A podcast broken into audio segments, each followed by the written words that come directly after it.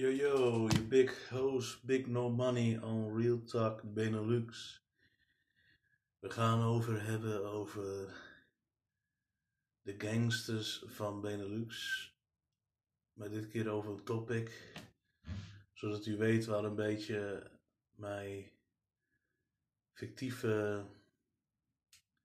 Herman en Gerard verhaal uh, over gaat.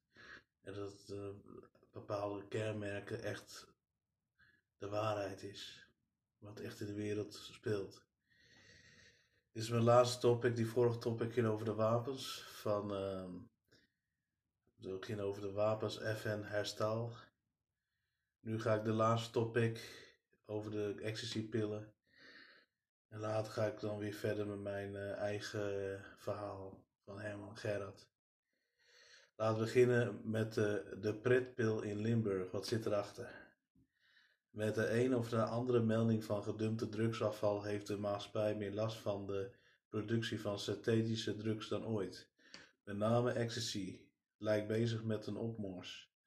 Hoe kan dat? Waar zijn er zoveel labs in Limburg en Brabant? En welke geschiedenis zit er achter de pretpil uitgediend? Snoepjes, schijfjes, bollen, alarm, klappers, snackies, kaakzwaaiers, nootjes, smarties, kletsjes, partybiscuitjes de symptomen zijn talrijk, al kent de buitenwereld het bewuste product vooral onder, een onder één noemer ecstasy. Drie letters die in een specifieke volgorde het afgelopen jaar steeds vaker in nieuwskoppen verschenen. Een greep uit de headlines van de afgelopen maanden uit onze provincie. 2 ton cash en 55 kilo ecstasy in een drugslab Brunsum zes vaten met ecstasy-afval vonden in Landgraaf. De velde ecstasy-pillen opgedoken in Limburg en zo kunnen we nog wel even doorgaan.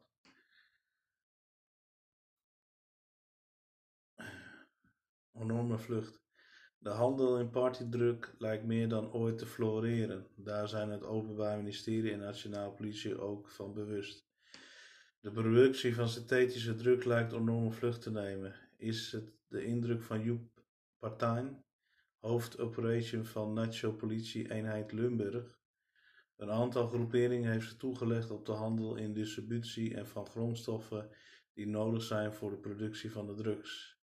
Men importeert de grondstoffen vanuit landen als Duitsland, België, China en vervolgens wordt deze geleverd afnemende organisaties in Nederland. Naar schatting worden er in vergelijking met 2013 nu op landelijke schaal twee keer zoveel drugslabs ontdekt. Elke maand wordt zo 8 tot 10 gevonden. Het gaat dan om synthetische drugs, daar valt ecstasy onder.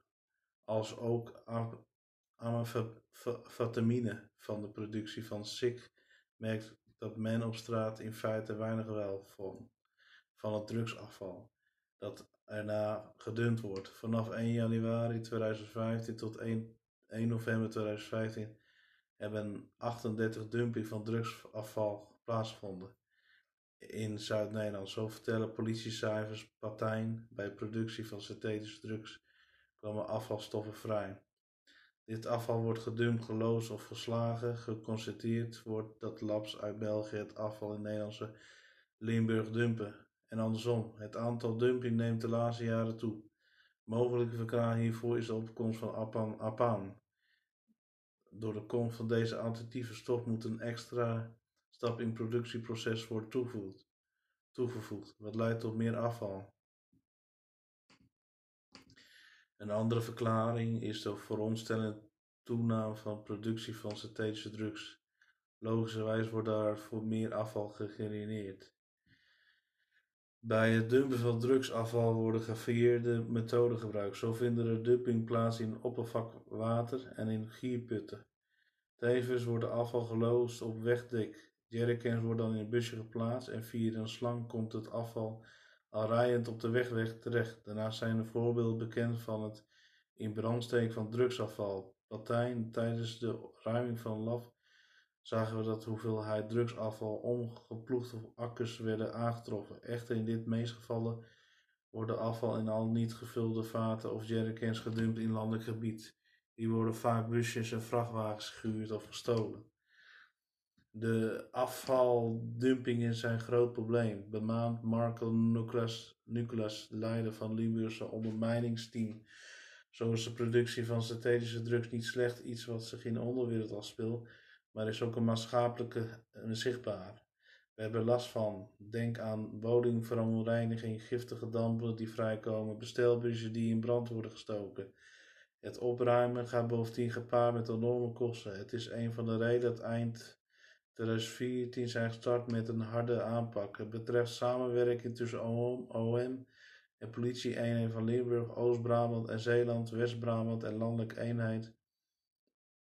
Een speciale taskforce van 125 politiemedewerkers is vrijgemaakt om, om de ondermijnende organisatie op criminaliteit in Zuid-Nederland te bestrijden. Daar ligt focus op synthetische druk. Limburg als broeinis. De handel in synthetische druk concentreert vooral in het zuiden des lands, met name Brabant en iets middenmaat Limburg, worden gezien als broeinesten van productie van ecstasy, amfetamine. Dat heeft zeker te maken met ligging aan het grensgebied, wat de internationale handel met België en Duitsland eenvoudig maakt. Bovendien is het Rural Limburg uitermate geschikt voor discrete lablocaties. Verder zien de aanwezigheid van oude criminele, criminele families die het stokje in de loop der jaren hebben doorgegeven aan hun kinderen, ook als de oorzaak van een concentratie drugsproductie en handelaars in Brabant en Limburg. Een plausibele theorie, aldus criminoloog Tom Samus van Tilburg Universiteit onderzoekt deze direct connectiebewijs er nog niet, maar van oudsher werd veel gesmokkeld in Brabant en Limburg. Dat is algemeen bekend. Het kan goed zijn dat de stokken van generatie op generatie doorgegeven, of dat een oude gediendes nog steeds in vak zitten. Toen ging het echt om boter, zout, check en nu om pillen. Wat in geval vaststaat is dat enkel Limburgs criminelen aan de wieg stonden van de handel synthetische drugs in Nederland. Al eind jaren 60 ontstond ontstaat een groot netwerk van productie- en smokkelaars in deze provincie. De pionier, vervaagde en smokken van synthetische drugs in de handel is niet midden een Duitse Karel Reinhard Pakkis. Hij legt ze aanvankelijk toe op smokken van alcohol naar Scandinavië, maar snel op naar amfetamine. Vanaf 1967 zou hij hebben geopereerd vanuit Heerleen. Hij smokkelt, hij per schip uit Amsterdam, maar gebruikt ook sportvliegtuigjes. Vanaf het vliegveld in Beek Kali, wordt ook wel de Pepkoning genoemd. Een titel die later vanaf jaren 80 zijn iets een andere vorm wordt overgenomen. Door Peter van D. uit Schenveld. Peter van D. uit Schijnveld. Hij bekroont zich tot pillenkoning van het zuiden. Van D. heeft de kunst eerder afgekeken plaatsgenoot Dikke, Dikke Billy en de kerstman, zoals Robbie Elf uit Einikenhausen thans bekend staat. Dikke Billy. Het is niet moeilijk om te zien waar de bijnaam vandaan komt. Hij is klein, van stuk, gedrongen en witte baard ziet zijn gezicht. Van L is aanvankelijk brand kastkraker in beruchte bende van Arno M. Maar legt zich vervolgens toe op het maken van chemische producten in beginfase. Wordt er geëxperiment met predoline in combinatie met prepmiddel. Later worden miljoenen verdiend met, hand, met middel dat Anu nog steeds grennik en aftrek vindt, ecstasy of ecstasy. Met Peter van Deen en Robbie van L. aan de Roe ontwikkelde Limburgs tot een broeienes van nationale ecstasy-handel waar ze samen miljoenen verdienen. Peter D. van Peter van D. en Robbie van L. Pillenprofessors. Pillenprofessors. Ondertussen komt de handel in synthetische drugs langzaam maar zeker tot wasdom in Nederland. Ons land zal zich oppoppen tot zenuwcentrum van internationale handel. De groeiende valt moeilijk los te zien van de opkomst van de house en de muziek, generic dat in de jaren 80 overkomt waaien uit Amerika. De dreunende bassen, pompende beats, vervormde geluid, het bezoeken van houseparty gaat in hand in hand met nemen van de, de, de, de designdruk van D en van L. Zo goede boterham aan te verdienen. De ecstasy werkzaamstof in pilletje MDMA, geeft feestgangers een gelukzalig gevoel en zorgen ervoor dat hij of zij makkelijk een nacht door kan halen. Er is niet, er is niet eens illegaal. Het duurt tot 1988 alvorens dat ecstasy op de lijst verboden middel komt te staan, zogeheten opiumlijst. Dat wil niet zeggen dat de strijd tegen synthetische drugs is gestreden. Integendeel, justitie krijgt er moeilijk op, vat op. Omdat de pillenindustrie zich telkens door blijft ontwikkelen, staat een bepaalde stof op de verboden lijst. Geen probleem, dat wordt door knappe koppen in het wereldimmuniteit vervangen door andere stof die, die nog niet illegaal is. Zo blijft pillenproductie, politie en justitie telkens een stapje voor. De ultimate specialist is Robert Holmans. Robert Holmans. Hollemans. Robert Hollemans. Hij maakte met name in het begin van jaren 90 een soort van nieuwe pillen te ontwikkelen met daarin stoffen die op het moment nog hartstikke legaal zijn. Eind jaren 70 rolt hij de, de amfetamine business binnen. Vervolgens legt hij zich op de ecstasy. Na 1988 inspireerde hij verder soms onverwoorde wijze volgens de politie. Maar boekte wel degelijk successen als hij productie van, aan een ecstasy verwant stof MDOA noodgedwongen moest staken omdat het spul op verboden lijst beland, komt Hollemans terzijde gestaan door chemische en veilingmezen in no time met iets nieuws. S ochtends begonnen we en s'avonds dronken we champagne omdat we een nieuwe pil, een, een, we weer een nieuwe pil hadden. Eentje die nog nergens was verboden, vertelde pillenprofessor in 1994 tegen journalist van NRC Handelsblad.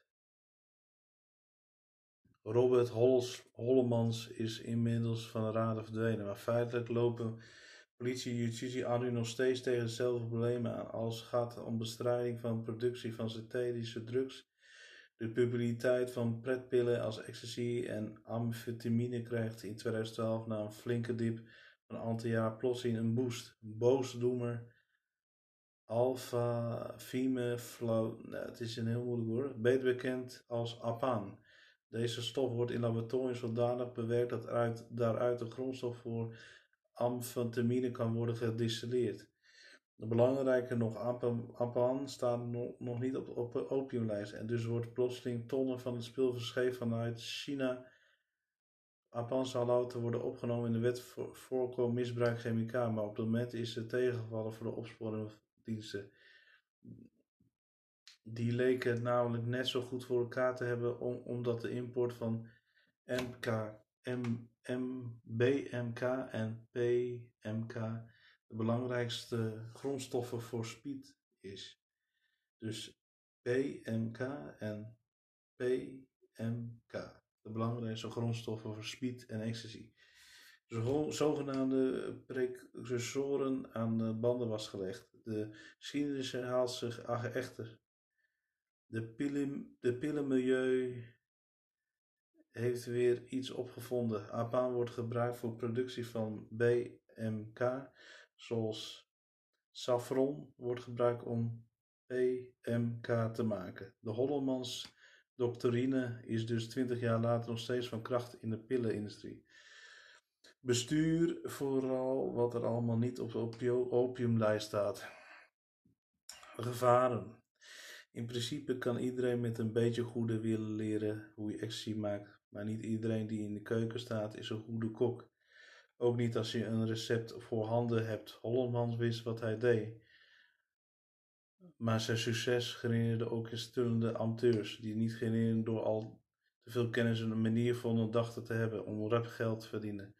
Straf, strafadvocaat Bert de Rooij is nog een nog een van de eerste ecstasy-zaken, ergens in het begin van de jaren 90, ging om een klein jongens. Hun lab, bestond, hun lab bestond uit wat potjes en pannetjes. waar mijn cliënten wat experimenteerden, alles behalve professioneel en bovendien niet zonder gevaar. Lijkt een beetje op een uh, Breaking Bad uh, serie. Wat betreft is er 20 jaar later niet heel veel veranderd. Nou, dat hoor ik ook vaker. Ook nu zijn er naast professionele chemie een hoop hobbyisten die gewend met potten en pannen en stapel dvd's van Breaking Bad snel willen scoren. Ook nu is het niet zonder risico voor de buurt die geen weet heeft van nabije explosieve bedrijvigheid en voor koks. Zelfs zo vonden in 2003 twee mannen in, uit Heet, Huusteren en Roermond nog de dood in een drugslab in Uden. Vermoedelijk dat ze giftige gassen hadden ingeademd. De drempel naar de productie in synthetisch druk lijkt weliswaar laag geworden. Alle informatie valt tegenwoordig zo van internet te plukken en gevaren zijn niet minder om. Het, milieu, het, het pillenmilieu. Ten slotte, welke mensen zit achter de wereld van synthetische druk? drugs. Volgens politierapport uit 2012 zijn er meerdere groepen in beeld die top zouden vormen. Oost-Europeanen worden genoemd, als ook woonwagensbewoners en leden van criminele botenclubs. Het gaat om personen die grotendeels al jaren meedraaien in de top van een georganiseerde strategische drugscommuniteit. En in bijna alle gevallen grootschalige productie en export, financiering en organiseren. In vele gevallen gaat het om personen die oorspronkelijk afkomstig zijn uit de woonwagengemeenschap in Zuid-Nederland. Citeert het rapport. Vermoed wordt dat het wat betreft synthetische drugs dikwijls dezelfde mensen zijn die laaien zijn in het hennepteelt. Volgens criminoloog Sampion zitten er onder de top nog twee schillen. Eentje met mensen uit de directe omgeving die orders uitvoeren, eentje met de dealers en loopjongens. Die laatste, de laatste groep loopt vanzelf zeker de grootste risico om opgepakt te worden. En de, en de dienen wel duidelijk is dat zeker nog enkele van actieven zijn in een lijvige strafdossier Wolf Beretta. Meer dan 7000 pagina's stellen documentaire over grootschalige handel en synthetische drugs in Limburg-Brabant. Duikt, duikt ook de naam Robbie van L weer op. De kerstman.